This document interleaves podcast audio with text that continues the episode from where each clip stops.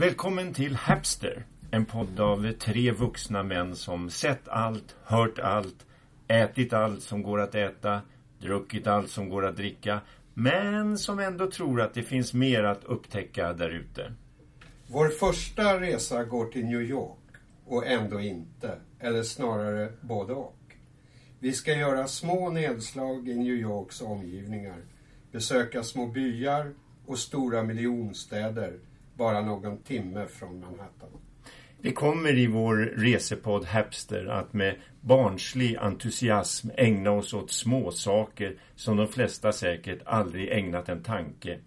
Ibland tillåta oss svepande generaliseringar, men ibland vara nästan ängsligt försiktiga, fast eh, oftast är vi ju självklart självsäkra. Följ med oss på vår Hapster-resa.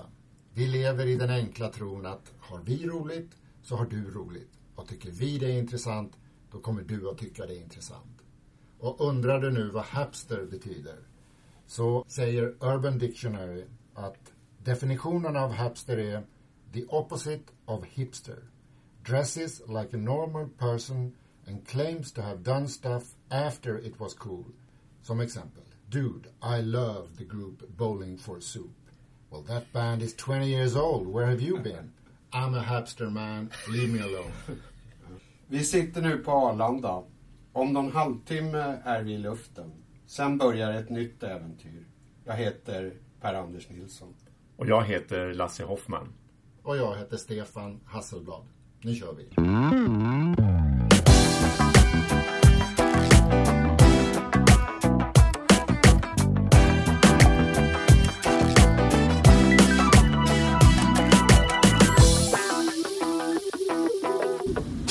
And gentlemen, Captain, on behalf of the entire crew, we're welcome aboard for this flight towards New York. Today is estimated with a flight time of 7 hours and 30 minutes. According to the meteorologist, nice weather en route, also nice weather in the forecast for New York. Hope you start to feel comfortable aboard and looking forward for a nice flight together.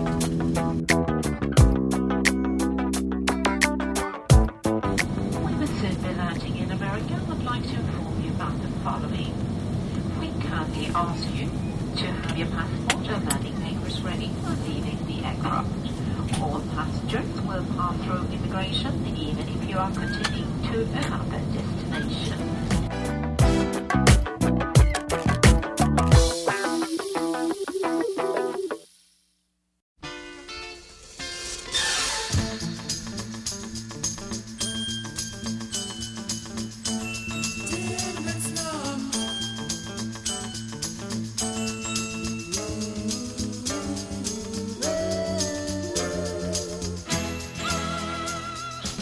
Välkommen till Hapsterpodden, avsnitt 1, Newark. Det är en av New Yorks stora flygplatser.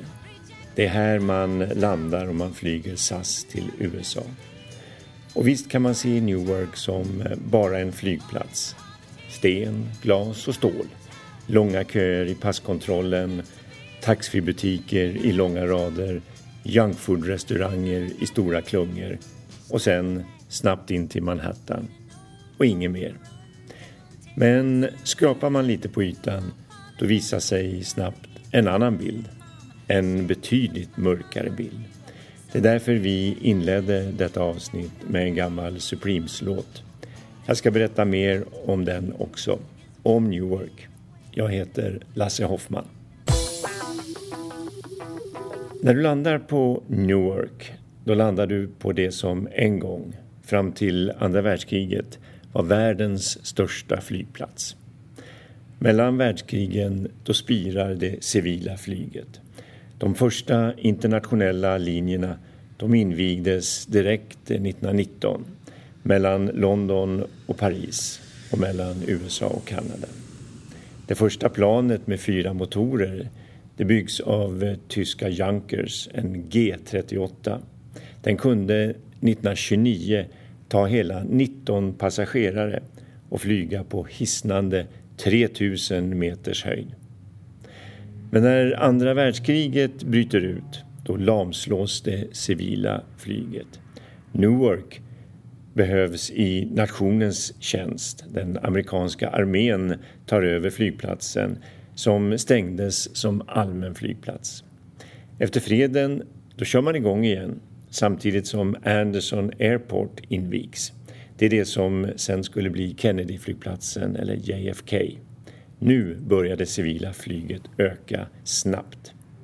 1952 då kommer det första passagerarplanet med jetmotorer, de Havillands Komet. Samtidigt får Newark stämpel som en otursflygplats. Det är efter tre svåra krascher 1951 och 52. Det finns några bilder på det på vår hemsida. Otursstämpeln den satt så djupt att man faktiskt började titta på andra platser att bygga en helt ny flygplats på. Men det strandade på grund av motstånd från lokala opinioner. Och det där med lokala opinioner, är de tillräckligt starka då kan de kullkasta både stora och små projekt. Från mina tonår minns jag striden om almarna i Kungsträdgården i Stockholm. Det var början på 70-talet. Där segrade gräsrötterna mot makthavarna. Almarna i Kungsträdgården i Stockholm är ett av världens skönaste trädpartier. Stockholm är rikshuvudstad och stadsfullmäktige har icke icke rättighet att hugga ner dessa almar. Den teknokratiska verksamheten för närvarande den drivs av en dödsdrift. Åt helvete med människorna och med våra hus. Men om viljan är tillräckligt stark hos makthavarna och gräsrötterna, ensamma eller tveksamma eller få, ja då spelar motståndet ingen roll. Jag tänker på den stackars bonde som en gång för över 300 år sedan ägde den lilla ö som skulle bli Karlskrona. Han, Vittus Andersson, han försökte sätta sig upp mot kungamakten och vägrade i det längsta att lämna sin älskade ö. Han kastades i fängelse. I nutid, eller ganska nutid, så var motståndet faktiskt starkt från markägarna när Volvo skulle bygga sin Torslanda-fabrik. Och även här vägrade bönderna att sälja. Det slutade med att dåvarande Torslanda kommun de tvångsinlöste marken från de trilskande bönderna. Bönder mot Volvo, jag menar hallå! Det här är den moderna kungamakten, punkt slut. Tillbaka till flyget och Newark efter den lilla utvikningen. Företaget Boeing de tar snabbt täten och 1958 introducerar de 707 som skulle komma att flyga i mer än 50 år. Och 1970 då kommer flaggskeppet som vars konturer alla känner igen, jumbojeten 747. Och då börjar ju alla att flyga på semester. Men för Newark går det inte lika snabbt uppåt. Det tar ända till slutet av 70-talet innan det lossnar och den första linjen till Europa den startar faktiskt först 1978. 1984 då börjar Virgin att flyga mellan Newark och London och Kennedy-flygplatsen utmanas på riktigt som New Yorks internationella flygplats. Efter den 11 september 2001 då ett av de fyra flygplanen som al-Qaida kapade lyfte från Newark.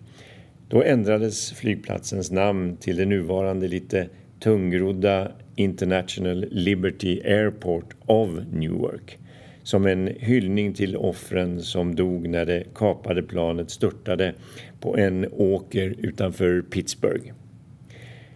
Det kan även ses som en hänvisning till Frihetsgudinnan som bara står en dryg mil från flygplatsen och som på engelska ju heter Statue of Liberty och till tiden som arméns flygplats under andra världskriget. Under några år kunde Newark också ståta med världens längsta non-stop flight direkt Singapore. Idag passerar 125 000 resenärer varje dag Newark genom de 121 gaterna oftast efter långa köer genom passkontrollen. Vi fick eh, stå där i närmare två timmar. Sen blir det fingeravtryck och ögonbottenfotografering och lite småsnack med en faktiskt ofta ganska trevlig och språksam passkontrollant. En verklig kontrast mot Arlanda där de oftast inte säger ett enda ord. Bland New Yorks flygplatser är idag JFK, Kennedyflygplatsen, störst med sina 60 miljoner passagerare per år. Newark har 40 miljoner och inrikesflygplatsen LaGuardia 30 miljoner. Det kan jämföras med Arlandas 20 miljoner passagerare. Där lämnar vi flyget för New York är mer än en flygplats. Vi skrapar lite på ytan och hittar Newark som delstaten New Jerseys största stad med närmare 300 000 invånare. Det är också den största staden runt New York. Newark är en av de äldsta städerna i USA faktiskt, grundad av engelsmännen redan 1666. Staden växte kraftigt under industrialismens 1800-tal och den tidiga delen av 1900-talet. Men följdes sen av fritt fall efter andra världskriget med industrinedläggningar i parti och minut. Newark är också ett klassiskt exempel på the white flight. De flesta vita flyr Newark för drömmen om en egen villa. På 30 år flyttade inte mindre än 130 000 vita från Newark till villor i lugna förorter runt stan från 1960 till 1990.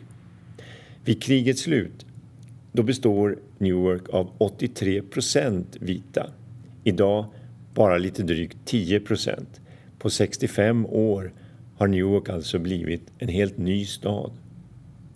För när de vita med hög och mellaninkomster flyttar då minskar snabbt stans inkomster, skolorna blir sämre, jobben färre, kriminaliteten värre och i Newarks fall med en fortfarande helvit och ofta brutal poliskår så ledde detta till att krutdurken exploderade i vad som kallas eh, The Newark Riots 1967.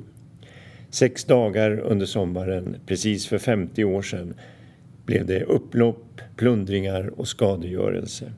Resultatet blev 26 döda, hundratals skadade och förstörelse för många hundra miljoner. Vi lägger upp lite bilder på det och några länkar till dokumentärer som finns på Youtube om kravallerna på vår hemsida för den som är mer intresserad. Så polisbrutalitet, det är inget eh, nytt för USA. Det fanns tidigare, det finns fortfarande. Och det är inget unikt för Newark. Inte heller stans utveckling är som sagt unik.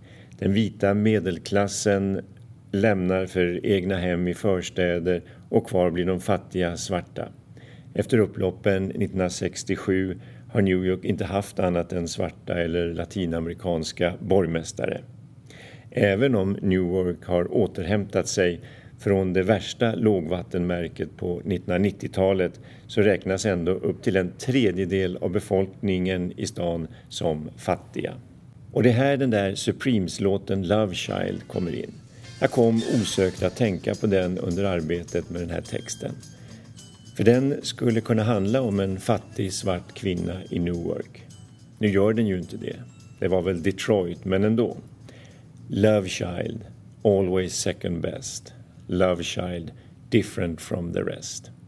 Vi får flytta oss tillbaka i tiden 50 år. 1967-68, det var en kaotisk tid i USA. Vietnamkriget rasade och likadant protesterna mot kriget. Raskravaller härjade i ett 30-tal städer. Medborgarrättskämpen, framför andra Martin Luther King, mördas och presidentbrodern och den som troligen skulle ha segrat över Nixon i 1968 års presidentval, Robert Kennedy, han skjuts även han ihjäl. Och det här får förstås inverkan på musikbranschen. Så här var det. Supremes hade varit en av 60-talets giganter, massor av hitsinglar, tio listetter. Men 1967 hade Diana Ross, trions stjärna, blivit så stor att Supremes blev Diana Ross and the Supremes. Men det var inget lyckat drag och inget som skivköparna gillade. Som om Beatles skulle ha bytt namn till Paul McCartney and the Beatles eller Stones till Mick Jagger and the Rolling Stones. Rena tramset egentligen och egots seger över marknadskunnandet. Av eh, Diana Ross and the Supremes fyra första singlar når den första, Reflections, andra platsen visserligen. Men In and Out of Love når tionde plats och de övriga två de blir riktiga floppar och når inte ens topp 20. Helt plötsligt hade en av Motowns säkra kassakor sinat. Det var inte bra. Den som styr Motown, han heter Barry Gordy. Och Motown, det är ju en hel liten industri med studior, fastigheter, artister, ett helt koppel kompmusiker, låtskrivare med kontrakt och övrigt entourage. Här krävs att pengar stadigt strömmar in och här krävs det regelbundna hits. Barry Gordy, han kallar till stormöte. Han drar ihop eliten av Motowns låtskrivare. R. Dean Taylor, Frank Wilson, Pam Sawyer, Dickie Richards och Henry Cosby. Ett gäng med enormt självförtroende och många hit bakom sig. De kallar sig för The Clan, klanen. För nu krävs det ett riktigt nytt grepp, deklarerar Barry Gordy. Det är 68, inget vanligt kärlekstrams, det duger inte. Inget ytligt pojke älskar flicka. Här ska en modern samhällskritisk bild målas upp. Och Barry Gordy, han har redan ett passande tema. Låten ska handla om kärlek, det är okej. Okay. Men också om konsekvenserna, om oäkta barn i slummen. Inget lätt ämne för en miljonsäljare, men The Clan med sitt självförtroende, de kavlar upp skjortärmarna och jobbar på. Det blir förstås en kanonhit, Love Child, som ju betyder oäkta barn. Om en ung kvinna som är kär i en man, men som säger att snälla, vänta, tjata inte. Jag var en oäkting, ett love child. Det var en hemsk uppväxt. Våra barn ska inte tvingas uppleva den skammen. Snacka om tidsdokument. Låten börjar med att en Doa-kör sjunger Tenement Slum, hyreshus slum. Känns väldigt konstigt, eller hur?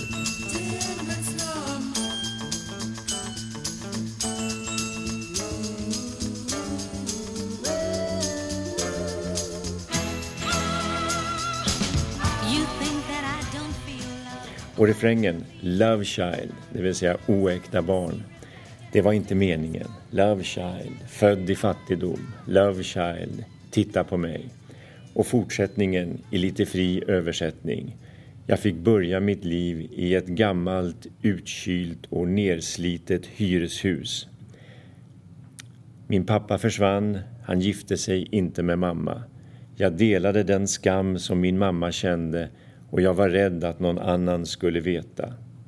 Jag fick börja skolan i en eh, begagnad, sliten klänning som någon kastat bort och jag var rädd att någon annan skulle veta.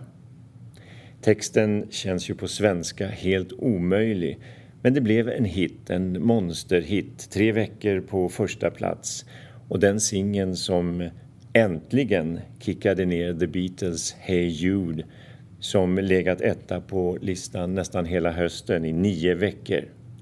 Love Child blev Supremes elfte listetta och dess tredje mest sålda singel.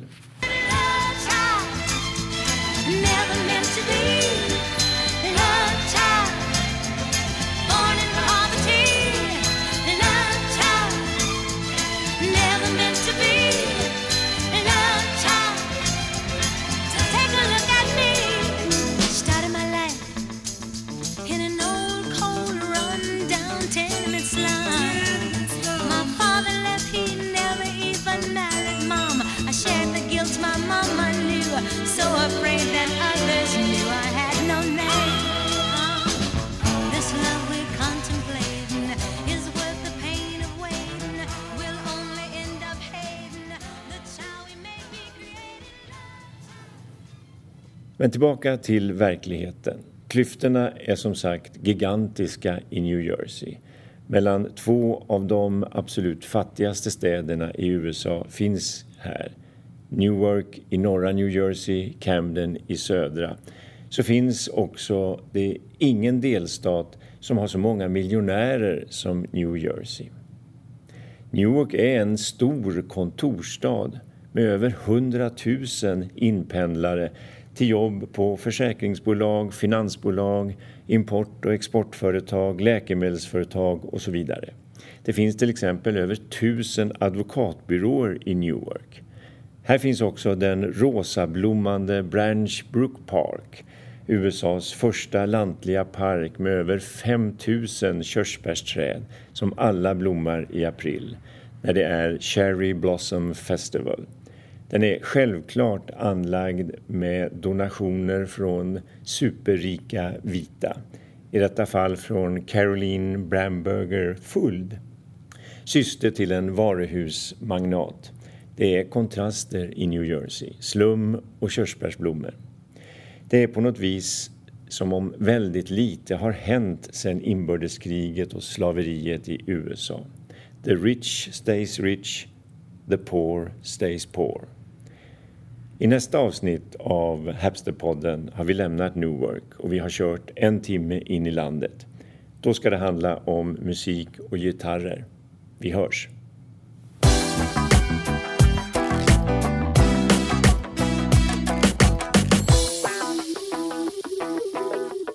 Hapster.